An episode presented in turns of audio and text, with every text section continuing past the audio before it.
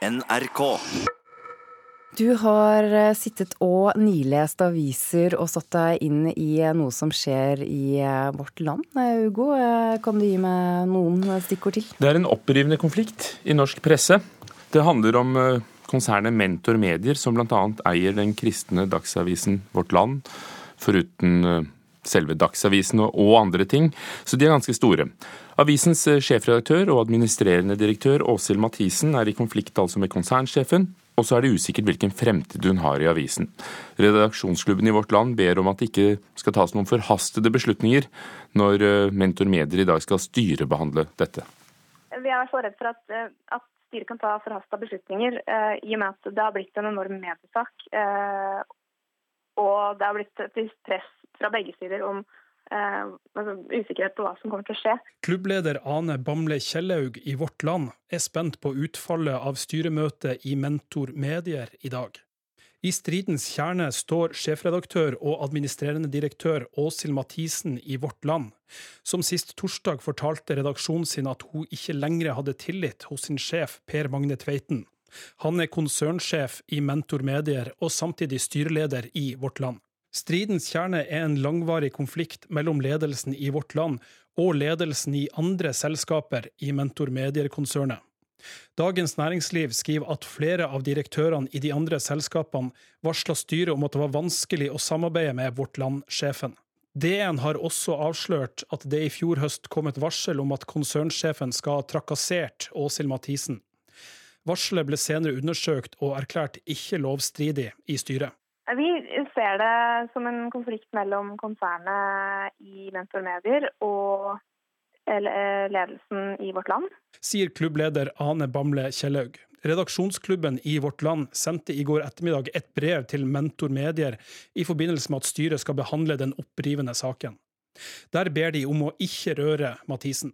Redaksjonsklubben ber i stedet om at man venter med å behandle denne saken til etter en ekstraordinær generalforsamling, hvor eierne skal vurdere om de har tillit til styret i Mentor Medier. Vi er opptatt av å få en mest mulig ryddig prosess, og, og er redd for at, uh, at styret tar forhastede beslutninger.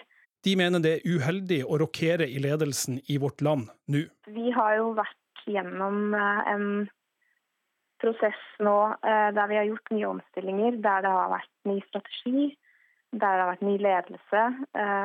og det er ikke et godt tidspunkt for oss å bytte sjefredaktør, fordi disse omstillingene tar tid. Sjefredaktør Åshild Mathisen ønsker ikke å la seg intervjue om saken. Konsernsjef i Mentor Medier og styreleder i Vårt Land, Per Magne Tveiten, har takka nei til å stille i radiointervju med NRK. Han presiserer i en e-post at saken ikke handler om den redaksjonelle profilen til Vårt Land, men om å få til et bedre samarbeid og styringsstrukturer i konsernet fortalte vår reporter Oddvin Aune, og redaktør og direktør Åshild Mathisen sier til eh, Klassekampen i dag at nå er det blitt en åpen maktkamp der jeg leser om mitt eget ansettelsesforhold i mediene. Min egen sjef bruker et PR-byrå mot meg. Det er ingen kontakt mellom oss, og det er ikke bra, verken for omdømmet til vårt land eller konsernet, sier hun altså til Klassekampen. Stig Berge Mathisen, professor i organisasjonspsykologi ved Handelshøyskolen BI. Kan du gi en karakteristikk av denne konflikten? Ja, Den virker jo svært uh, uheldig, da. Uh, jeg får jo et inntrykk av at de aktuelle parter egentlig ikke kommuniserer i lag.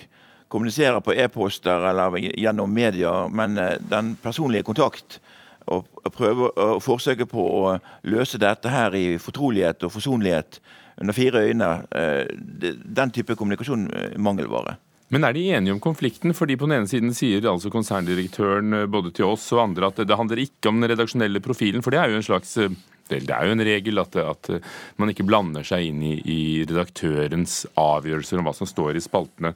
Mens et stort opprop som er på gang, 374 har signert det nå, blant andre Valje Haugland, kjent tidligere KrF-politiker og statsråd, eh, er bekymret for den redaksjonelle profilen til avisen, som vi mener at Åshild Mathisen virkelig har løftet, og, og truer med å si opp abonnementet hvis det blir noen endringer.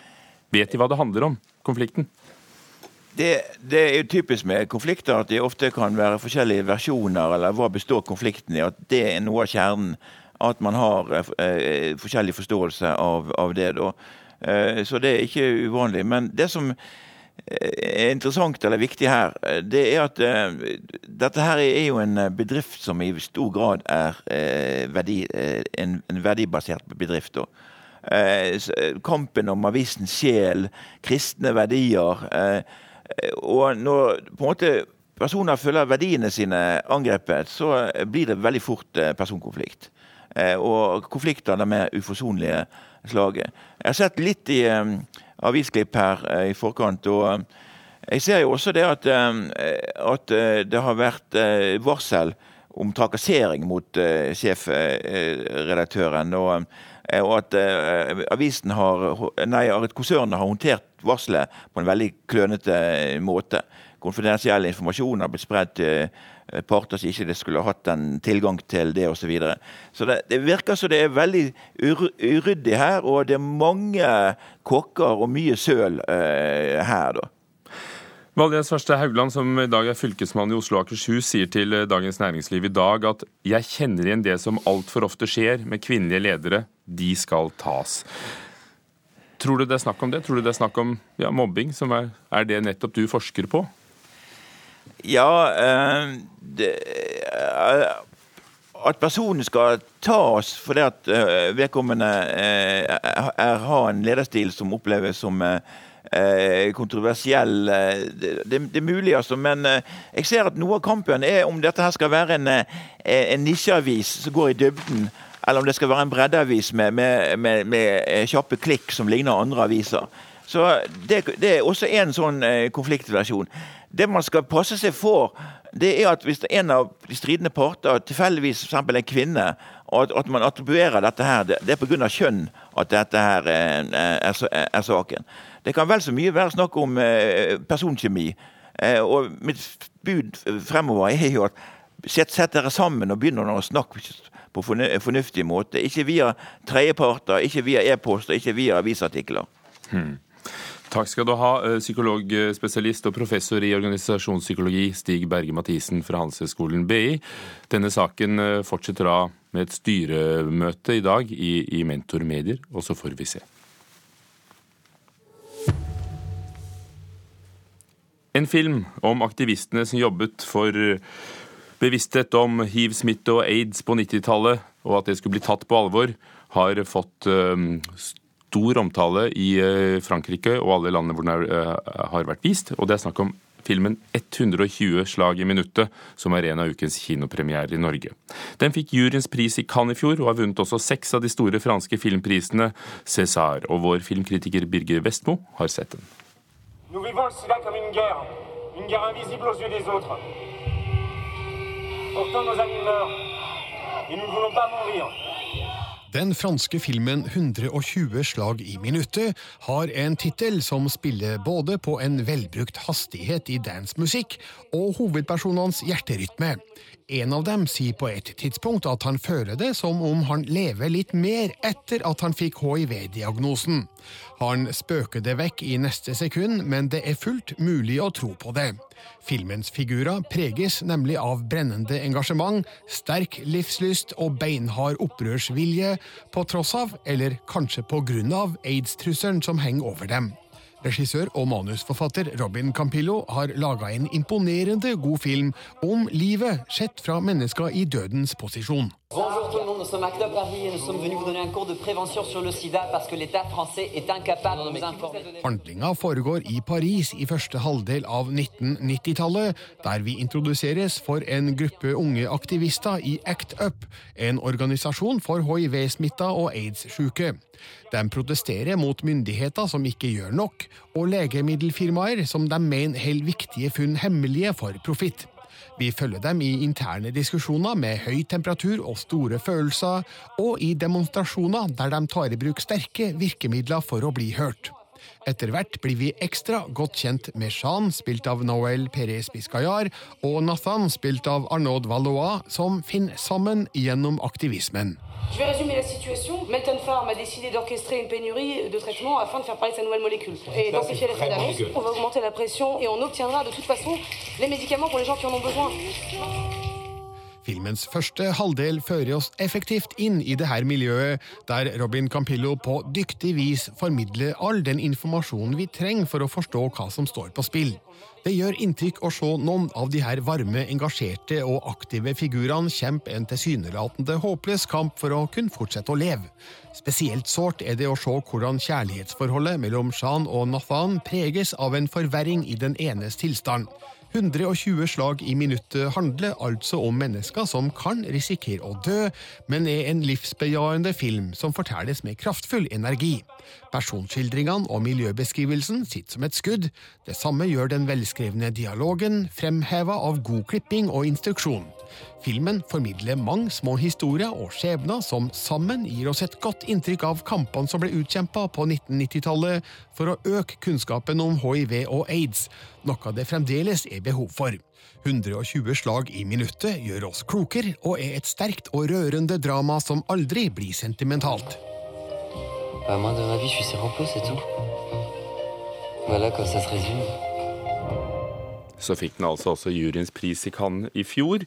Det er jo det når det nærmer seg påske at da kommer det mange filmer som mange har ventet på, som Maria Magdalena, et bibelsk drama med feministisk driv. Dette skriver eh, anmelderne våre på nrk.no film. Der kan du lese om alle premierefilmene, bl.a. også en islandsk thriller. Men nå til en TV-serie. I've learned more about humiliation in the last few weeks than I hoped I would in a lifetime. And why do you think that was? Because of your behavior. Because you sent me away. Yes, and why do you think that was? I don't know, Elizabeth. You tell me. Because you're lost. The Crown, som eh, kan sees på Netflix og er inne i sin andre sesong om dronning Elisabeth av Storbritannia. Claire Foy spiller dronningen, og Matt Smith er prins Philip. Vi hørte dem krangle her. Kristine Sterud, eh, det er en eh, uoverensstemmelse også i det virkelige liv her. Dagbladet skriver at produksjonsselskapet bak denne serien tar sjølkritikk, siden det har kommet fram at det er stor forskjell i hvor mye skuespillerne tjener. For Claire Foy skal ha fått rundt 40 000 dollar per episode, mens Matt Smith skal ha fått mye bedre betalt. Selv om det ikke er kjent akkurat hvor mye Smith fikk. Og Årsaken til dette skal ha vært at han var mer berømt og mer etablert som skuespiller i England da han fikk denne rollen. For han har bl.a. spilt hovedrollen i TV-serien Doctor Who. Og det er jo en stor ting i Storbritannia. Eh, nå er det vel ikke noe tvil om at Claire Foy er den som i hvert fall resten av verden kjenner best. Hva gjør de nå? Produksjonsselskapet sier at eh, de fremover vil jobbe mer for kvinners rettigheter i filmbransjen, og at de skal i møter med flere organisasjoner som jobber for nettopp dette.